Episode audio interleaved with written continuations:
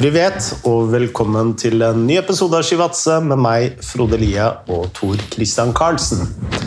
Uh, og nå kan ikke du si velkommen, Tor Christian, for vi er faktisk hjemme hos deg. Ja, det er velkommen til deg, Frode Lie. Men velkommen til Norge. Jo, takk. Uh, godt å Godt å sitte ved samme bord, da. Mm -hmm. uh, igjen. Jeg har ikke sett deg på mange uker. Ja, nå sa jeg det i går, da. Ja, du, ja. Det veit jo ikke på podkastlytterne. I går, eh, dagen før, så jeg det. På mandag. Vi satt i Fotball-TVs eh, studio og diskuterte overgangsvinduet. Ja. Vi eh. holdt på i fire og en halv time.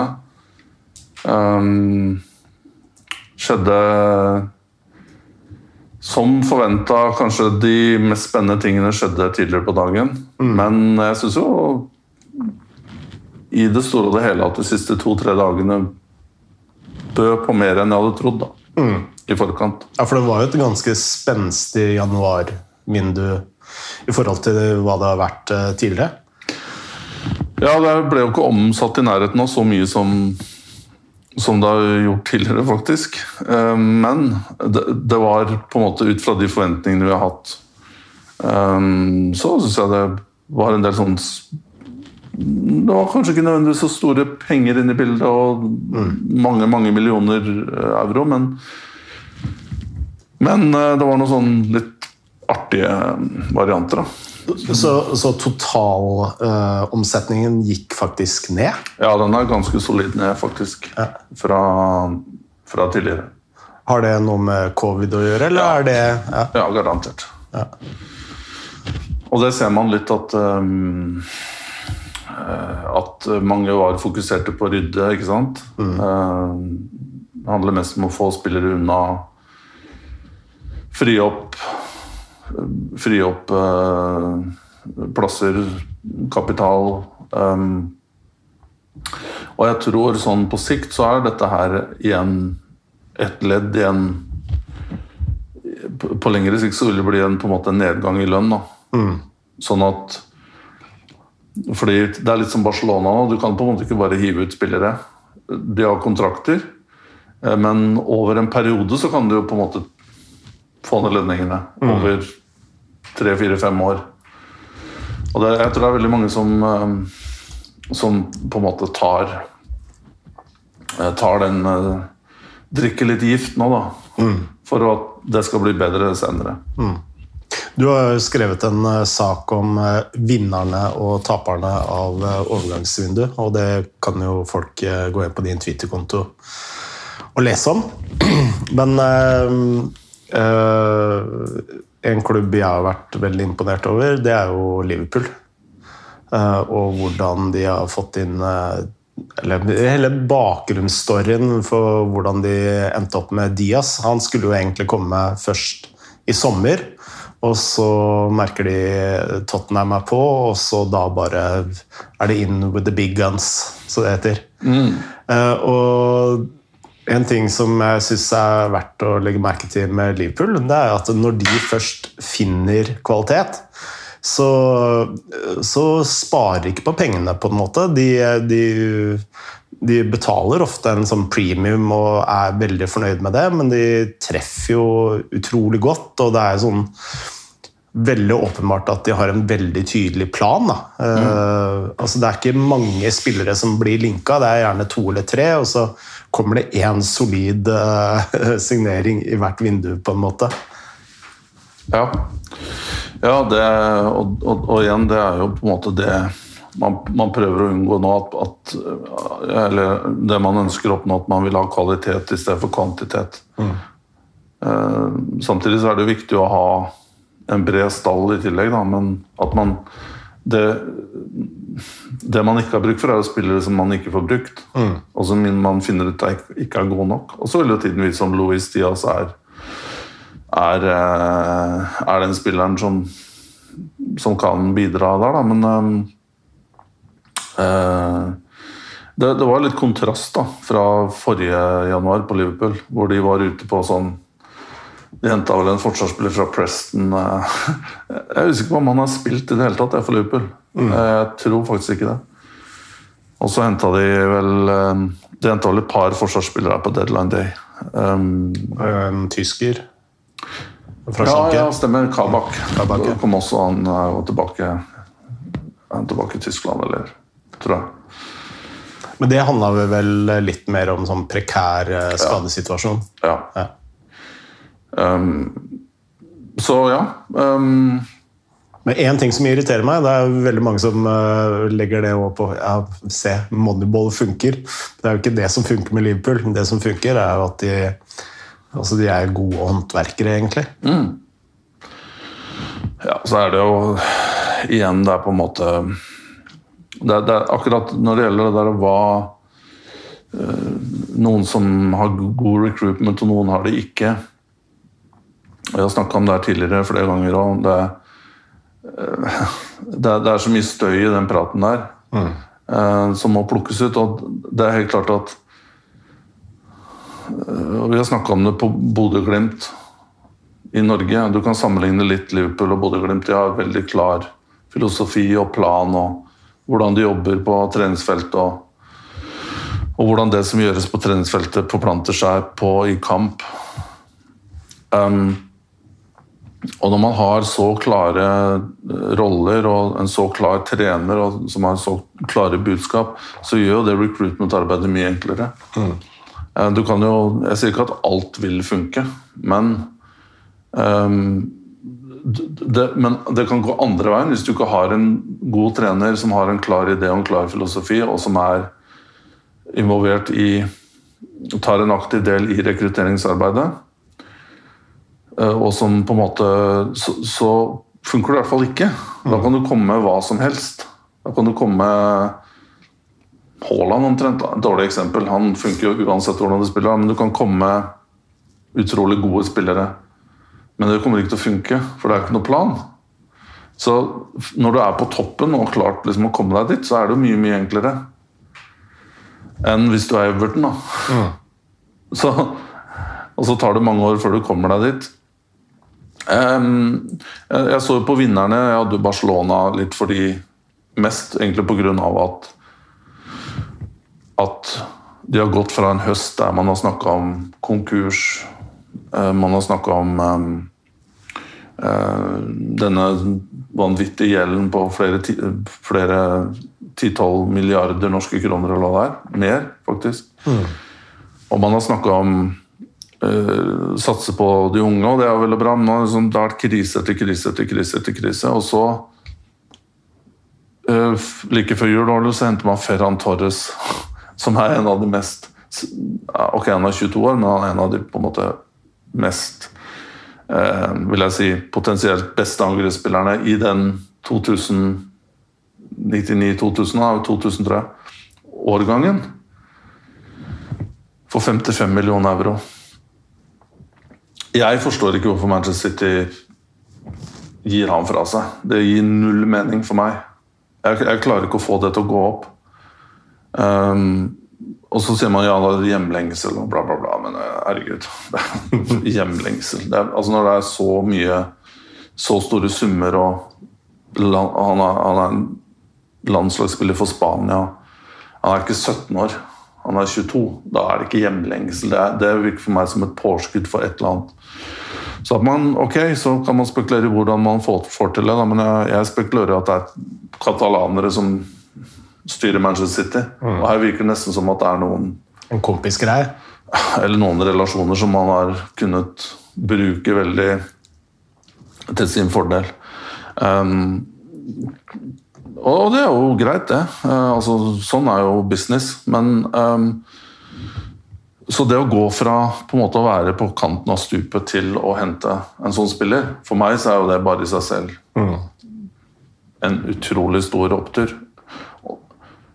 Så kan man jo diskutere det med Aubameyang og, og hvem andre som kommer Traoré. Ja, ja, Traoré, om det på en måte er Om man har behov, eller om det er riktig type spillere osv. Men, men um, Og Daniel Alves da i tillegg. Um, men um, Og så hadde jeg vel som annen vinner uh, Newcastle, opplagt. Det er styrka. Er det nok til å holde plassen? Det vet vi ikke. Uh, men de har, de har i hvert fall et bedre lag nå enn de hadde for eh, en måned siden. Eh, og de har fått inn en spiller der som kan styre ting på midtbanen. Som er litt arkitekt og samtidig god defensiv spiller. Um, og uh, I tillegg så har man også fått inn da, et par gode brukbare forsvarsspillere. Og, og, og, så hadde jeg også som vinner da Juventus, da, opplagt nok, som klarer å hente to meget interessante unge spillere. Dennis Zakaria og Dusan, Dusan Vlavic, som jeg snakka om her tidligere i Chivadze. Mm. Samtidig som man klarer å På en måte med ganske med ganske god retur på kontooverføringene, så får man da plassert Kolosevskij som man litt hadde gitt opp. Ikke helt har prestert som forventa. Har ikke hatt den utviklingen som man ønska i Juventus, selv om man har potensial og kan slå til England. Men man får, man får potensielt tilbake det man betalte for han, og litt til. Og samtidig får man da Rodrigo eh, Bentancour, som er på en måte en ganske En spiller som Juventus ikke har brukt for, altså bortsett fra å være squad play. Og nå får man inn Zakaria, som er um, en, en, oppgradering fra han. Og på begge de utgående spillerne Tottenham så klarer man å få ganske mye gode penger tilbake. Det er jo helt utrolig hvordan man klarer det. Mm. Du snakka om at uh, det var uh, ja, tette kontakter mellom Manchester City og uh, Barcelona. Det er det jo også mellom Tottenham og Juventus. Og, jeg tror du på fotball-TV omtalte Patricici som en trojansk hest. Ja, det var litt fleip, da. Men Paratici man, man, men jeg kjenner på en måte ikke igjen det han Ok, jeg kjenner igjen, eller jeg forstår at han henta de to spillerne til Juventus, mm. og at han kjenner dem veldig godt, og han sannsynligvis har troa på dem. Uh, ellers hadde jo ikke de kommet, men det er jo ikke noe tvil om at det er Juventus som er den store vinneren i den Transaksjonen her, nei. Ja, mm. og det virker ikke som det er noe særlig nedside for Juventus heller i den dealen her. Uh, og det, det det forstår jeg veldig lite, altså. Mm. Så, men ok, mulig jeg tar feil. Eh, tilbake til Barcelona eh, eh, og Aubameyang. Eh, eh, Savi ble jo intervjua når han var trener i Qatar. Og dette har gått sin seiersgang nå på sosiale medier om at eh, han mente han aldri ville bli en Barcelona-spiller. Ja, mange sånne tolje, eller hva er det heter? Kommer tilbake og biter deg i, i nøttene. Ja, um, ja nå, er det noe der, da. Um, men eh, altså, overgangsvinduet det begynner jo å bli litt sånn ferdig diskutert. Men eh, hvis du starta hele sekvensen med Everton og En eh, liten uh, detalj der eh, det var omtalen av hvorfor Frank Lampard fikk jobben. Og Der sto det bl.a. at han hadde overbevist så mye på intervju. og jeg, da tenker jeg, da, da, ansetter du kanskje altså Med all respekt til Frank Lampard, og jeg kjenner han ikke og jeg skal holde meg for god til å liksom, karakterisere hans trenervirke, men da ansetter du jo på mange måter, eh, satt på spissen, eh, en som er god til å snakke for seg. Da. Det er jo ikke nødvendigvis eh, den som faktisk er den beste treneren. Og du har jo intervjua mange trenere opp igjennom. Både som sportsdirektør og konsulent. Hvor mye verdi er det i et sånt intervju? Jeg, jeg, jeg tror nok den beste altså den viktigste delen av det, den jobben du gjør først. Mm. Um, altså den researchen du gjør på kandidatene og studiene du gjør. Um, du må jo fordype deg i historikken, uh, hva slags fotball de har spilt. Ja, jeg har tidligere, Dette begynner å bli en del år siden, men vi har snakka om det før. Jeg har til og med vært og spionert på trenere mm. for på oppdrag, ikke for klubber jeg har jobba for, da, men for, som oppdrag for andre. Og lage rapport på, på, på treningsuka. Eh, hvordan liksom, dette jo, Det blir jo veldig detaljert, da. Og, og, så kommer det litt an på hvor detaljert rapport man vil ha. Men i det tilfellet her så var det i hvert fall at man skulle ha på en måte nesten en dagbok fra hver dag. Mm. Hvordan vedkommende delegerte, og hvordan, hvor mye aktiv involvert han var. Eh, og jeg var til og med på spillerhotellet før kamp kvelden før, da, så jeg booka meg på samme hotell og så på en måte Forsøkte å se litt på hvordan han var overfor spillerne og teamet sitt og sånne ting. Mm. Um, og det er jo ikke ting du får gjort. Du er litt avhengig av å hyre eksterne til å gjøre den jobben, her, for du vil jo ikke på en måte sende folk som blir kjent igjen. Um, Ok, Det finnes mange forskjellige måter å gjøre det på, men klubber har vel stort sett ikke på en måte heller kapasitet til å følge opp et sånn type arbeid um, veldig um, veldig nært selv. Uh, og i tillegg så er det litt psykologi her òg, for det, det, er klart at når du ansetter trener, så blir det litt sånn at du må du må backe vedkommende 100% og det at du begynner å sende konsulenter eller eh, hyre nesten privatdetektiver til å følge andre kandidater, det gjør jo litt at du kanskje er litt mindre investert i vedkommende som er der. Mm. Eller at du har gitt vedkommende opp, og det er jo heller ikke bra. Så det er jo, du, du må på en måte finne riktig moment og ha riktige systemer i plass for å, for å gjøre dette her. Jeg tror det var et den klubben som var involvert der. Noen ganger så får jeg høre om hvilken klubb det er, andre ganger så har jeg, har jeg tatt oppdrag for på en måte agency. Og så jeg får bare vite en profil på type, hvem som står bak det. Jeg vet ikke hvem i noen tilfeller. Men det å, hvis jeg hadde vært en eh, chief executive eller sportsdirektør i en klubb som har ganske store ressurser, så ville i hvert fall jeg ha hatt veldig god nytte av av sånne type dossier da, på pulten mm. på hver trener. Mm. Det er mange andre ting man også kan se på, som jeg sier da, kamper. Um, eh, disponeringer og, og, og, og, prøve å finne hvor, hvor dypt treneren har vært involvert i spillerkjøp og sånne ting. Men tilbake til, det, til starten her, Frode. så um, nå, nå, snakker vi litt sånn fra best practice, store klubber som har masse masse penger mm. og kan betale liksom, kan betale, ha store budsjetter til å gjøre sånne ting. Da. Um, og så finnes det jo graderinger av Intel du kan, uh, du kan kjøpe eller skaffe selv. Um, men det jeg tror er, ikke er bra, og her må jeg også innrømme at jeg har gått på smell selv, og det er når det gjelder treneransettelser jeg har gjort på en måte mitt beste arbeid og dårligste. Mm. Um, og jeg kan se veldig klart på de der jeg har vært med på gode ansettelser, så har jeg hørt på så har, jeg, så har jeg tatt referanser fra folk som jeg har stort 100% på, og som har ganske mye erfaring fra fotball, fra um, ganske store ligaer, fra liksom tenke på ganske avansert måte. Og der er jo dårlige beslutninger. Så har det vært sånn ringe en og Ja, han er veldig bra og har masse energi. Altså overfladisk informasjon, da. Og så har jeg blitt solgt Det skal være helt Og pluss at i et tilfelle så var det en trener som hadde en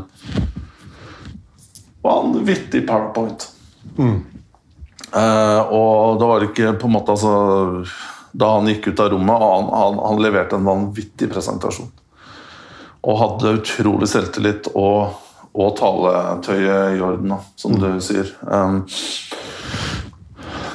um, og så er det ikke bare jeg som sitter i det rommet der, men, og det er jo kanskje andre som Mye handler også om atmosfæren i rommet. Og noen ganger så kan du bli dratt litt med fordi noen har mer energi enn andre, noen har mer selvtillit enn andre, som du sier, da, i en intervjusituasjon. Og de som har mest selvtillit og er mest offensiv, vil jo komme best ut. Mm. Enn en som er kanskje naturlig innadvendt og ikke er en god, god, i akkurat den settingen der. Eh, men, eh, men, jeg må innrømme at jeg har Og i perioder hvor jeg ikke har hatt ressurser eller kanskje mista litt selvtilliten, jeg for min del, til å vurdere de tingene her. Og, og sånn er det litt. Og når du bommer på én ansettelse, så, så mister du litt troen på at du klarer At du er tilbake på neste på et høyere nivå. Mm. Og så er det det med personlighet som eh, Var litt inne på det med energi, eh, karisma, eh, evnen til å Altså masse sånn non-verbals subliminale ting altså som går på underbevisstheten, som du nesten ikke klarer å forklare. Mm. Det er liksom at du møter nye folk. Noen liker du, noen liker du ikke. Du, det klikker. Dere klikker, men du klarer ikke helt å forklare hvorfor. Det kan være noe blikk man sendte, det kan være at man lo av et eller annet, man traff på humor, man, det var noen felles referanser der, ikke sant? på sånne ting. Så er det vanskelig å vite Er det Er det sånn Ja, hva er det den gruppa trenger akkurat nå, da? Mm. Så det er så mange ting inni bildet der. Men eh, jeg tror du har rett at det å i hvert fall gå inn i eh, Hvis man ikke har så veldig mye eh, er så veldig godt forberedt For i fotballen så er det noen ganger sånn at du en trener må, må gå etter ti kamper eller etter tolv eller 15, og du er midt inne i en hektisk periode, og du må ansette en ny en. Og du er uforberedt. Det ligger litt i, i, i sakens um, natur, og da Men i de tilfellene der, å gå inn i intervjuene med i hvert fall i bakhodet at dette er et intervju. Det er å være litt på vakt at eh, hverdagen um, Er det den personen der du vil ha, ha med deg inn i, i hverdagen? Mm. Jeg hørte et godt sitat fra en i fotballen som um, hadde snakka med Jim, James Palotta, som var pre, eh, pre, Han eide jo Roma um, i, i en periode. Um, og jeg tror av en kuriositet så traff han Mourinho i et møte sånn for noen år siden. Han, han, var ute da Mourinho kom til Roma nå. Altså. Mm. Han var ikke involvert i det. Så var det en som spurte Palotta etterpå ja, hva, liksom, hvordan var det møtet. Og så sa så hadde Palotta sa han, ja, det jeg sa til var at um, I like you, I think you're a nice guy, but I wouldn't want you in the office every day.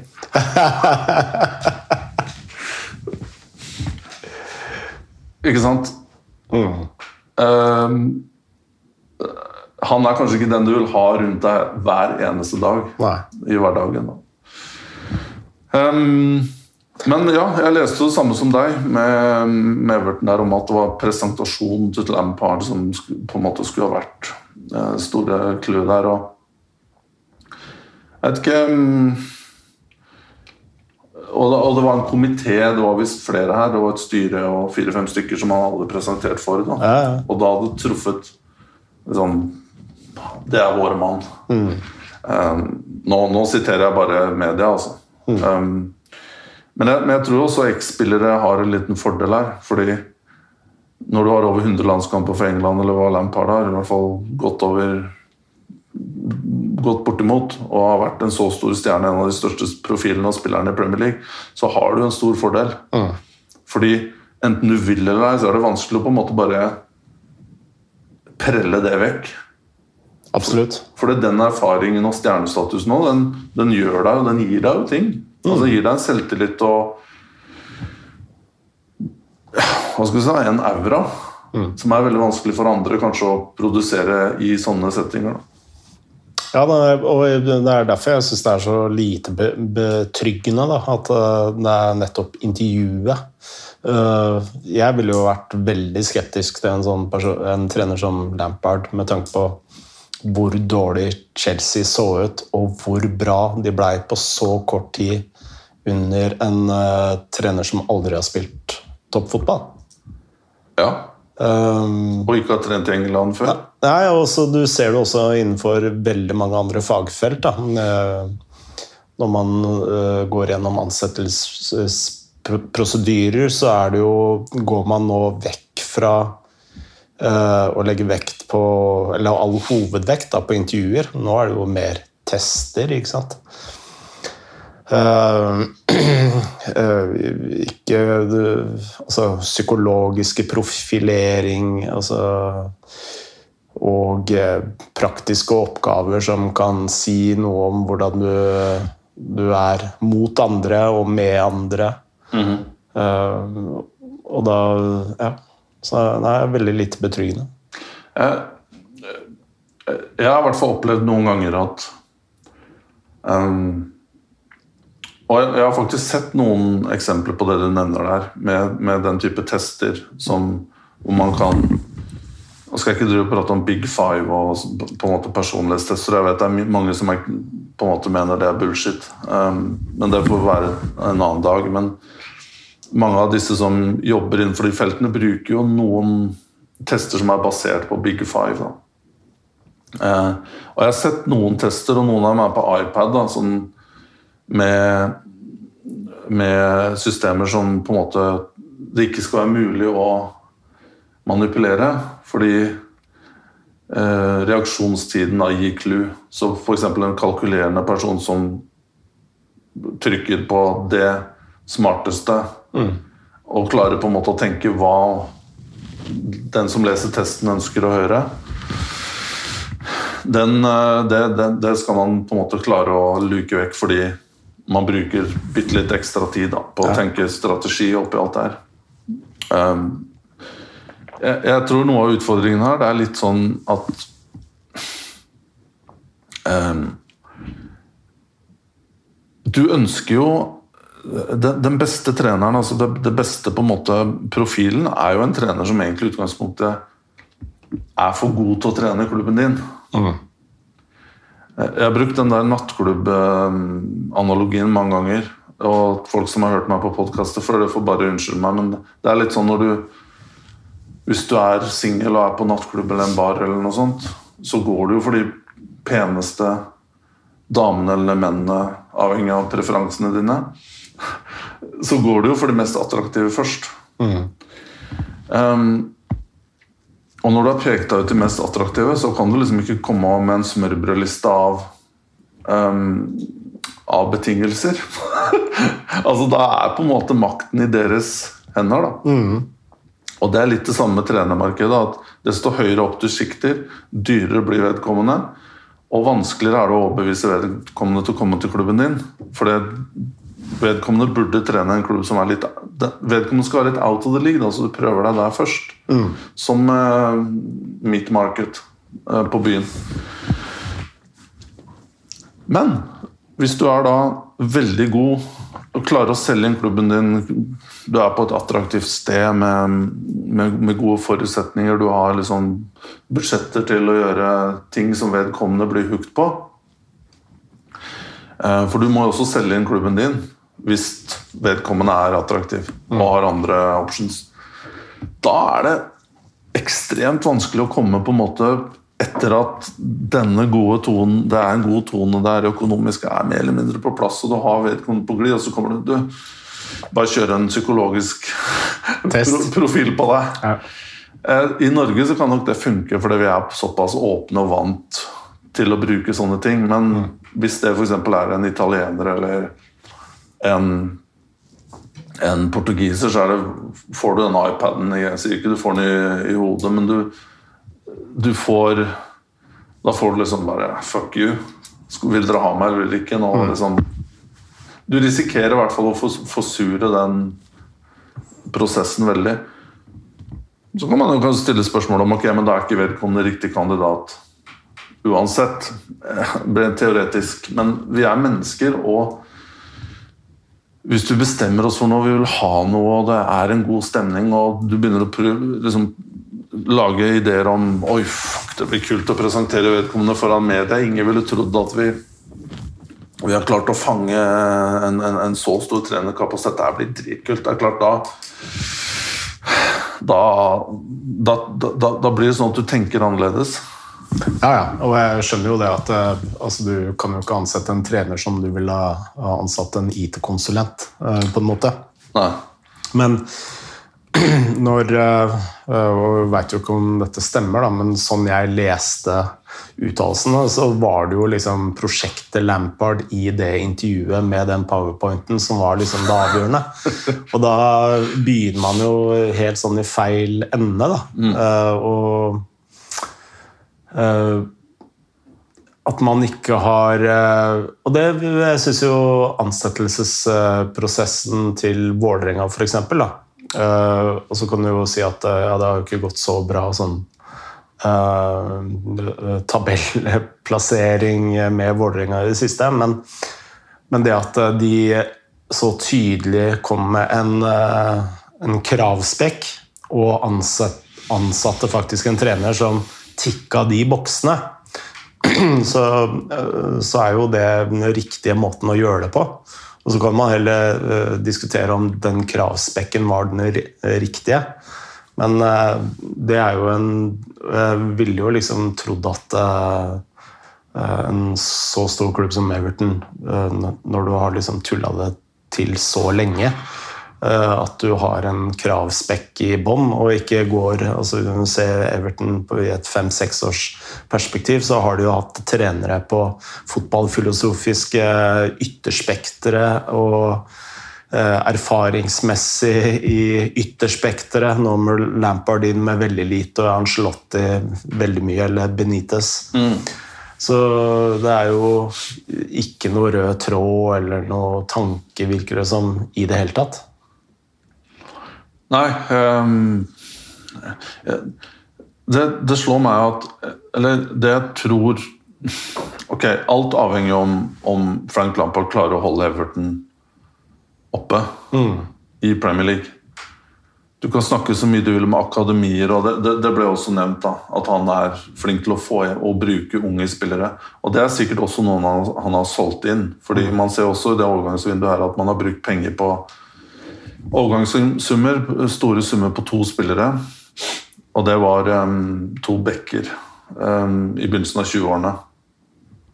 Um, så har, det har sikkert vært en slags et slags idé her om at ok, vi kan bruke litt penger, men det skal være på unge spillere og videresalg og alt mulig sånt. Fordi man har henta altfor mange liksom, på vei ned i karrieren. Mm.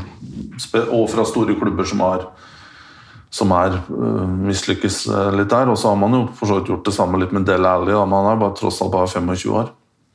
Um, men uh, og, og, hvis det er én ting men kanskje med Frank Lampard Han, han fikk jo gjennom den generasjonen med Reece James og Mason Mount og, og med flere, da. Av disse var Hudson O'Doy og Polisic, på en måte, som han, han brukte. Og, så han har jo fått gjennom en generasjon med Chelsea-spillere som, som, nå er på en måte veldig, veldig gode spillere. Men her skal jo også akademiet til Chelsea ha, ha litt av æren. Det er jo på en måte Det var ikke sånn at de kom som eh, normale spillere inn i Chelsea. Dette er jo verdensklassetalenter. Altså. Ok. Men Lampard skal jo ha for at han brukte dem. Og han støtta opp om den policyen der og var investert i det akademiet rent emosjonelt, så vidt jeg forstår og har hørt fra folk. Men akkurat det der blir jo bare, det blir jo bare akademisk prat hvis det rykker ned. Mm. Hvis ikke du har en sånn greie om at Ja, ok At det ligger en liten sånn La oss si at på 100 av, av Frank Lampard, da, så har du på en måte 80% fagmann. Det han representerer som Nei, det er for mye. 60. La oss si 60. Og så har du 30% media. For det er så viktig. Kanskje ikke for meg som liker å i hvert fall tro at fordi jeg har vært i fotballmiljøet, så liker jeg å tro at, at jeg har litt kompetanse på det her. I motsetning kanskje til folk som bare er i styret og driver med andre ting til hver dag. Men de er også i disse møtene, ikke sant? Og jeg tror for en daglig leder og styremedlemmer så tror jeg det er den 30% eller 40% der som er ekstremt viktig. Mm. Den introduksjonen, pressekonferansen, ha en som kan representere klubben bra, snakke bra for seg osv. Men så er det kanskje 10 her da, hos Everton som tenker ok, hvis vi rykker ned, blir null investeringer. Um, vi må rydde unna.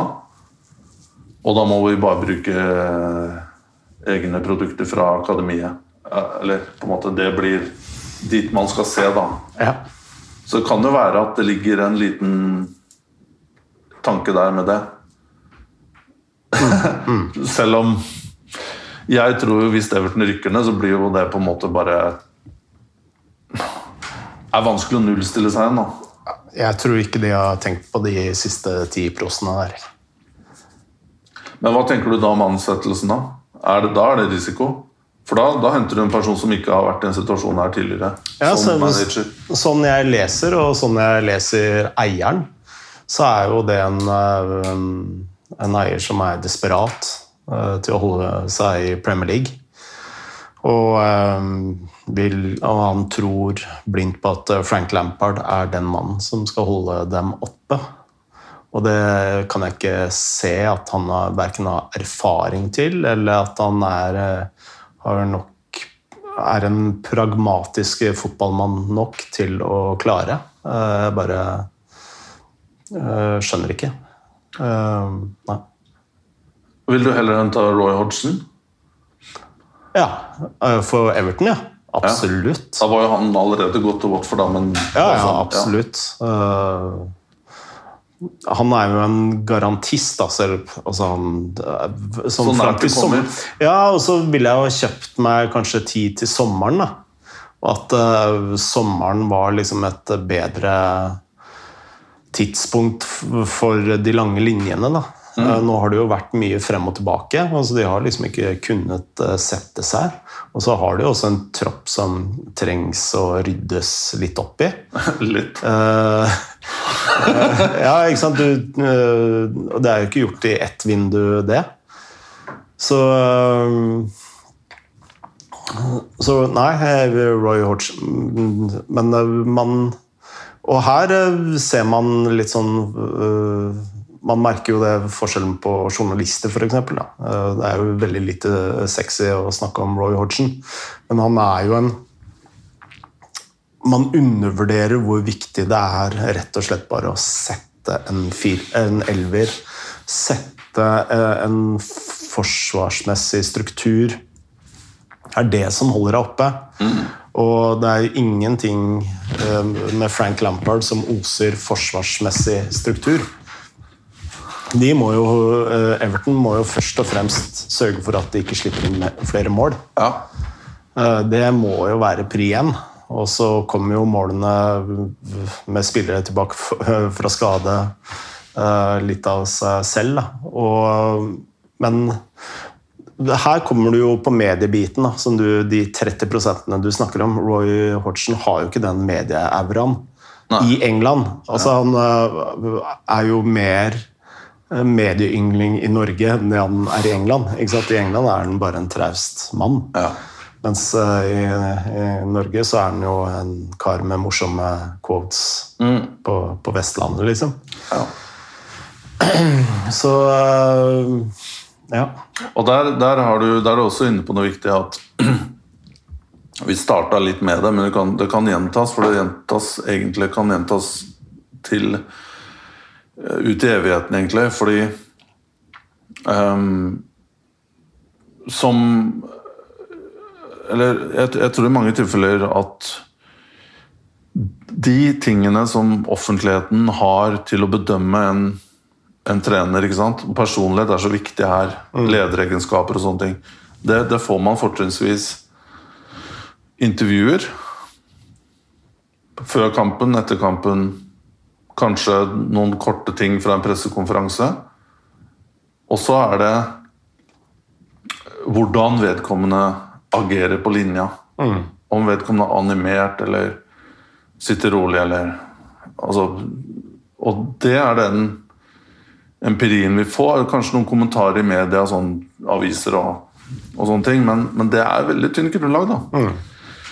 Og, ehm, og derfor så var Hvis jeg går tilbake til den, de suksess anførselstegn, eller i hvert fall de gangene jeg har vært med på ting som har lykkes, har jeg snakka med folk som har kjent disse menneskene, ikke bare gjennom media, men har kunnet gi meg masse sånne små detaljer og ja, kanskje også kunnet litt om psykologisk profilering. Da, sånn, liksom, ja, det er noen personlighetstrekk her, og vedkommende liker å gjøre det på den måten der. Det var en trener jeg husker jeg researcha som, som jeg fikk informasjon om at Og jeg, jeg hadde jo en inntrykk om han, som sagt, da, fra media og fra intervjuer og sånn. Litt spesiell person, men jeg syntes det var interessant. Og så sa En av kildene mine sa da at ja, jeg kjenner han veldig godt, jeg har jobba bitte litt med han. Og han drives av, av, a, um, Hva heter det på norsk? Ikke angst, blir litt feil, men anxiety. da. At han, han må ha, være litt under press, være litt stressa. Så men så, så det kan være bra, for han vil alltid være liksom superforberedt. Vil aldri være noen ting vedkommende ikke har tenkt på. Mm. Men du må også huske på at han blander seg borti absolutt alt, fordi han må, han må liksom ha litt småkonflikter med folk hele tiden. Mm. Så han var sånn, spesielt med billetter til kampene detail, da. Så han liksom var sånn Ja, billetten min, sønnen min har fått billetter, og hvorfor sitter han der og ikke der? Og liksom. Bare sånne ting. da. Så han hele tida hadde liksom friksjon, og han levde på det. Og det skal du ha. Du skal, liksom, en viss organisasjon skal være klar for å takle en sånn type. da. Mm. Og man skal ha ledere som også skjønner at disse her må få rom til å være seg sjøl på en litt sånn måte. Mm. Um, så her er det masse, masse Jeg, jeg syns dette her er kjempespennende, det området her. For jeg tror det er her du virkelig kan uh, gjøre ut hvis, hvis, du treffer på det her. Det er bare bullshit. altså sånn uh, Folk som ikke kjenner fotball og bare ser på noen tall de får servert fra noe institutt her der som sier at treneransettelse viser seg ikke å ha noe å si. ok, men hvis du på en måte Det, det blir som å si at eh, liksom eh, Ja, i Oslo så er det 600 restauranter. Og stort sett eh, terningkast de ligger på sånn 3,8. Så det spiller ikke noen rolle om du går dit eller dit, eller om, kokk, om en kokk jobber på Miami eller om han jobber på kebab. Det blir omtrent det samme. Altså Det er en grunn til at trenere er i andredivisjon og tredjedivisjon. Sikkert dyktige, men de mangler jo noe som eh, På et eller annet vis her så er det jo meritokrati innenfor trenerverden. Så hvis du ansetter en feil trener som egentlig tilhører et lavere nivå, så er det klart at det vil Som en leder så vil det ha noe å si for, for produktet ditt som er Eller å skape et godt fotballag. Det er jo helt opplagt. Problemet er jo i den grad disse tallene på en måte viser at man klarer å lese ut at det ikke gir noen varig effekt, da, som man sier, så er det jo kanskje da at man ikke har gjort en god nok prosedyre. da. Det vil jo være problemet. Ikke nødvendigvis at det ikke finnes bedre trenere. altså Da, da tror du jo ikke på konseptet med å ha en trener. da. Nei, og også det å finne en altså Du snakka litt om Big Five og, og psykologisk profilering. da. Det å være en god trener i seg sjøl er jo ikke alltid nok. Hvis du kommer inn i et team i en klubb som eh, får liksom absolutt det verste i deg som eh, trener. Da. Si du er en trener da, som eh, trenger mye trygghet rundt deg, og så har du en eh, sportsdirektør over deg som eh, er helt manisk, eller, eller motsatt. da. Ja, eller styreformenn eller styremedlemmer som blander seg inn og Ja, øh, ikke har den ja. Så det øh, Ja. så, men en annen ting som jeg tenkte på, men det er ikke for å hoppe over på noe annet, men med spillere så har jeg også lagt merke til at flere og flere sportsdirektører begynner å gjøre research hos øh, spillere, eller medspillere hos de spillerne de ønsker å, å hente. Da. Eh, og her tror jeg utrolig mye sånn feilinformasjon, for det er så mye konflikter innad i, i klubber. eh, og plutselig ringer du en eh, kar som eh, ikke kan fordra vedkommende medspiller, og bare sender av gårde drittpakke etter drittpakke, og så ja. Det er 100 um, og, og, og, det er litt det samme som jeg sa tidligere, at du er utrolig avhengig av å snakke med de riktige menneskene. Ta, og ta og ta referanser fra de riktige folka. For som du sier, du kan treffe på noen som har en beef ja. eller en agenda mot vedkommende. Og, da, og da, da, stopper det der. Du kan få på en måte, Og det er også noe av problemet, at du kan liksom på en måte gjøre en profilering og finne mange gode egenskaper som du tenker ja, det er en person som jeg, jeg liker har mange ting som passer hos oss, og mm. kan like vedkommende. Så snakker du med en person som én kanskje ikke er veldig analytisk eller har evner til å i det hele tatt beskrive eller beskrive en personlighet eller, eller har er sensitiv til sånne ting. da og så mm. får du liksom bare Nei, jeg har ikke noe trua på han. Sånn, han gjorde ditt og datt, eller hun, da. Og da stopper det der, fordi du på en måte Én, du ønsker ikke å gjøre noe som vedkommende, for det er en god kontakt eller en god venn. Og så ønsker du ikke å gjøre noe som Så kommer vedkommende og sier ja, men jeg sa jo at han eller hun er håpløs. Mm. Men du ansatte jo vedkommende likevel. Hva ja. trenger, så trenger jeg ikke å bruke sånn Oslo østkant-prat uh, hver gang jeg skal snakke ta, På en måte um, imitere noen som er dumme. men, men um, Um, nei, det, det, det, er et veldig godt poeng. At man Det med kildekritikk å vite på en måte de man snakker med, at de vet hva, hva god informasjon er, og hva nyttig informasjon er. Mm. Det tror jeg, i hvert fall fra min erfaring, er det gull verdt. Men tilbake til starten her, da, bare for å avslutte litt. Grunnen til at jeg er så skeptisk til uh til dette med intervjuer da, eh, som et sånt bærende element, det er jo at uh, gjennom arbeidslivet så er liksom de verste uh, folka jeg har jobba med eller jobba rundt, da, det er jo pratmakere. Altså de som er flinke til å ordlegge seg. Som viser seg å være, om ikke komplett udugelige, ganske faglig svake. Da.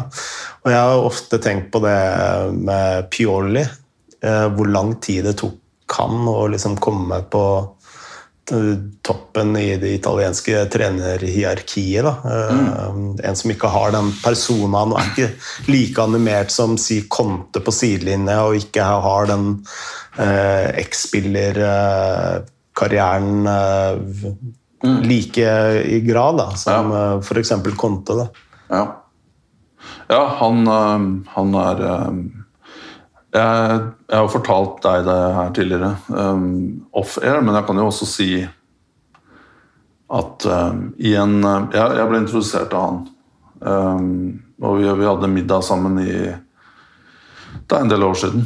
Um, I forbindelse med noe. Jeg trenger ikke å si akkurat hva det var. Um, og jeg ble Og det, det, det jeg, jeg, hadde jo jeg hadde studert han litt på forhånd. Eh, både sett han på treningsfeltet og jeg hadde lest en del om han og, og fulgt han i intervjuer og sånn. Og I Italia så får du mye mer informasjon om trenere enn det du får i andre land. Fordi de er gjerne på disse programmene på søndag kveld, mandag kveld. Lange pressekonferanser. Um, så der er det veldig mye informasjon da, du kan få. Um, og han Um, dette er som sagt en del år siden. Men jeg forstår at han har trent nå. Han har trent uh, Inter, han er nå i Milan, han har vært i Lazio, har vært i Roma, Fiorentina og Parma, da, som var en stor klubb. Han mangler jo egentlig bare Juventus, da, av de store. Han spilte jo Juventus mm. og lærte uh, sammen med Platini. Um, men han, da, i bare den middagen der og han ser, han, på en måte, han ser imponerende blir litt feil å si, men han, han, er veldig sånn Har du kan, du, kan, som jeg sier, du kan ta med han og introdusere han for Obama. Um, han vil klare seg i det rommet. Mm. Um, mens alle vil jo klare seg med Trump. for Du kan ta en bygdetulling og introdusere for Trump. De finner jo tonen. Men for på en måte en han, vil, han, er en person som kan på en måte representere på et høyt nivå. Han tenker, har avanserte tanker og gir gode svar. Og, som en naturlig autoritet. Da. En person som du Jeg tror en trener er en person hvis oppførsel i hverdagen du kan se litt opp til. Det, det, tror jeg er, er, er, nyttig for både spillere og klubben og alle rundt. En som kommer og hilser. og som du er god å ha rundt. ikke sant? Og han var den typen der. Samtidig som han var smart og autoritær. Så det var et veldig godt eksempel du trakk fram. Hmm. Uh, tida flyr fra oss, men uh, kan vi uh, ta et punkt til? og det har vært mye diskusjon rundt Norge versus Danmark med tanke på Joe Bell-overgangen. Ja. og vi har jo fått noen spørsmål om akkurat det. og Vi trenger ikke å ha en lang diskusjon med det, men det er en forskjell på Eliteserien og danske superliga. Ja, vi, vi Altså jeg, jeg, jeg, jeg, tror mye av problemet her er at um, uh, Altså, la oss si um, Jeg er fan av La oss si jeg er fan av, av musikkband, da. Mm. Bare ta The Smiths, da. Vi er fan av The Smiths. Um, og uh, Det betyr ikke at alle mine meninger om The Smiths er riktig. Inntil kort tid siden så ble jeg irritert på folk som da mente Morrissey var en idiot. Mm. Uh, nå er jeg jo for så vidt enig i det. og, og, han uh, Altså, jeg, jeg, på en måte Han sier så mange dumme ting, har, har mista det. Men han er fortsatt jeg, jeg, heier fortsatt på The Smith og synes den musikken er noe av det beste som er laget. Og Morrissey for så vidt også solo fram til han begynte med det glam rock-tullet sitt siste, sitt, siste tre-fire albumene. Men det betyr ikke at jeg um, på det tidspunktet der, før jeg skjønte han var en idiot, så betyr ikke det at jeg hadde rett om han. Og det føler jeg er mye problemet med supportere når de diskuterer fotball. Så, så, supporter, så uh, diskuterer man fra supporterståsted. Man kobler seg fra virkeligheten? Ja, men man, man kobler på følelsene sine. Som sagt, jeg ble irritert når folk kalte Morris idiot fordi jeg elska musikken. Mm det er helt annet enn Da var det ikke på en måte skalken, hjernebarken min, som uh, På en måte det, det, var noe lenger inne. Mm. Um, og kaller um, reptilhjernen, sannsynligvis. da Sånn som 'Jeg digger den musikken der, det er dritbra'. Mm. Hold kjeft! Jeg digger Viking. Joe Bell burde spille for Real Madrid. Jeg kjenner igjen det der på mange, mange, mange områder. og Det gjør det å diskutere fotball på en måte, det gjør det utrolig slitsomt, men det er også morsomt. Mm. Så, og det er en kjærlighet der vi, vi alle skal ha. Til spørsmålet til Frode. Um, jeg, man, man, ser jo at norske spillere som har muligheten til det, enten på kontraktslengde eller um, uh, ja, um, spiller seg gode nok til å ende opp i Danmark, mm. og da går man dit. Um, og for Joe Bell sin del så er det klart at han er ikke fra Stavanger, han er ikke fra Norge engang. Han er fra jeg tror han er født i England, men vokste opp i New Zealand. Har ikke den Har sikkert mange gode venner i Rogaland, og Viken kommer til å ha et sted i hjertet hans helt til han, han blir uh, eh, pakka inn. Um, men han tenker ikke sånn som vikingsupportere. Han tenker at jeg skal fram i karrieren, og jeg skal én tjene litt mer penger. Det gjør du i Danmark. To du har større sjanse for å komme deg til større ligaer ved å spille bra i Danmark enn å spille bra i Norge. Mm. Og fotball er jo ikke løsrevet fra markedsøkonomi. Altså I Brøndby kan du tjene tre-fire kanskje Tipper du kan i hvert fall tjene tre-fire millioner i året. Fem millioner, kanskje. Bestespillerne i Norge så kan du tjene litt over kanskje halvannen da, i en sånn klubb som Viking. det, det er en veldig stor forskjell. da. Så er det skattefordeler, ja. Mm. Så mm, Men at den danske ligaen er, er mer attraktiv, det er jo ikke noe tvil om. Man ser jo de summene man selger spillere for. Jonas Wind gikk for hvor mye var det? 12-13 millioner euro til, til Wolfsburg. Selger jo jevnlig disse Nordsjælland solgte spillere for omtrent det samme. ikke sant? Og så er det et perspektiv til. Da, at eh, hvis en spiller ønsker å dra, så er det veldig vanskelig. Altså, selv om du har liksom et år eller to igjen på kontrakten, så er det veldig vanskelig å holde den igjen. Ja, ja det, det er jo en risiko du tar. Um, um, men igjen, jeg tror hvis du er en utlending som har kommet til Norge for å, for å spille fotball, så tror jeg ikke du du, du har kanskje ikke noe familie her, du har ikke, du har ikke så mange ting som binder deg til, til, um, til den klubben og det nærområdet som en nordmann vil ha. Um, nordmann så vil det jo være fakt, en faktor kanskje at ok, alle vennene mine er her i, i, i, den byen i Norge. De fleste, eller i hvert fall. Jeg har masse nettverk og kanskje en dame eller en kone som har jobb. Um, det, det veier jo litt, ikke sant? Um, men uh, samtidig så tror jeg nok det er, det er, det er spillere du kan du kan på en måte prate med til å bli, og det er andre som på en måte bare du mister. Mm. Da er de gone, og så må du selge dem for halve prisen eller ingenting til sommeren. ikke sant? Uh, det er min take på det. Um, Men uh, Brøndby og, og Superliga er en oppgradering for Joe Bell. Ja, selvsagt er det det. det og det er ikke forkleinelse for Viking, nei, men det er en oppgradering for absolutt alle norske klubber, selv Bodø-Glimt. Selv om Bodø-Glimt kanskje vil slå Brøndby nå i noen kamper, fordi de akkurat nå er bedre. Men Brøndby er en klubb med mye større potensial enn Bodø-Glimt. ikke sant? Men det er jo klubb med en stadion på hver dag, 35 000, 30 000 tilskuere. Eh, økonomi som man ikke klarer å man kan ikke sammenligne med, med Norge. Da. Jeg lurer på om vi skal avslutte med et uh, lyttespørsmål jeg, som vi har fått fra Magnus Borgen. fordi det er et lyttespørsmål jeg lurer på litt selv.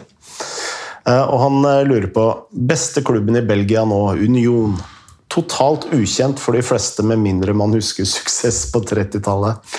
Hva er storyen nå? Moneyball? Data? Sam, samme eier som Brighton, Tony Bloom, har folk høyt oppe på toppskårerlistene samt foredler gull fra langt ned i divisjonssystemet i Tyskland. Mm. Ja, det er jo overraskende at de, de rykka jo opp. Jeg tror det er sesong nummer to nå i mm. toppligaen. Tror de rykka opp sesongen før den forrige. Uh, husker ikke helt på sparket hvor de endte opp i fjor, om det var på, det var på øvre halvdel i hvert fall. Um, jeg tror jeg um, Borgen er inne på noen ting her. At du, du har den Brighton-linken der, Tony Bloom som eier uh, den klubben, så de får spillere fra som kanskje i utgangspunktet skal videre til Brighton, men stopper der i et år eller to. Mm. Unge spillere fra rundt om i verden. Um, og i tillegg så er det nok De jobber nok bra. De har smarte folk eh, som eh, Ikke bare moneyball og statistikk og sånne ting. Det, det, er liksom Igjen, det blir gitt kanskje det, det, er viktig, men det er ikke alt. Men jeg tror de er De har klart å ta over en klubb her som er liksom Det var ingenting. Det var et på en måte skur altså Stadion er jo ikke all verden. Um, den er vel omtrent fra 30-tallet. Mm. Så de har tatt over en klubb på en måte som bare var et skall. Da. Og så har man fått lov å bygge akkurat sånn som man vil ha det. Ja. Og det er ikke på en måte interesser som drar ting ene og andre veien. Man må overbevise ditt og datt og skal gjennom så mange instanser og prosesser. Her får man bygge akkurat sånn som man vil. Fra bottom up. Ikke sant? Mm. Det er en vanvittig stor fordel. Uh, samtidig som man har investeringer. Og smarte folk i tillegg. Ja, selvsagt. Uten det så har du ikke kjangs. Mm. Og um, i Belgia så tror jeg det er ganske mye kaos. Altså Noen klubber har, har på en måte klart å holde et høyt nivå over lang tid, spesielt Klubb Brugge. Som virker å være godt drevet. Men andre ser du på en måte liksom Anderlecht eh, har vært langt nede. Eh, og, Royal Antwerpen har vært nede i lavere divisjoner. og I noen klubber så har det liksom vært raid fra det ene og det andre. Liksom, med eiere som har kommet og gått, og standard. Ser du masse rare eierhysterikk. Så jeg tror i en sånn kontekst der det skjer så mye rart, og det er masse, masse press og interesser, eh, fraksjoner. Kommer du med den derre liksom Et veldig klart, rent konsept mm. som du kan jobbe i fred, mm. kommer du langt. Tror det er hemmeligheten. Og det tror jeg også kan forklare Brighton og Brentford òg. Mm. At de har fått lov å bygge akkurat sånn som de vil, uten noe særlig press eller masse gammel bagasje. Mm. Og da og da, og da, kommer du veldig langt. Ingen som mas på ryggen? Nei, og media, da.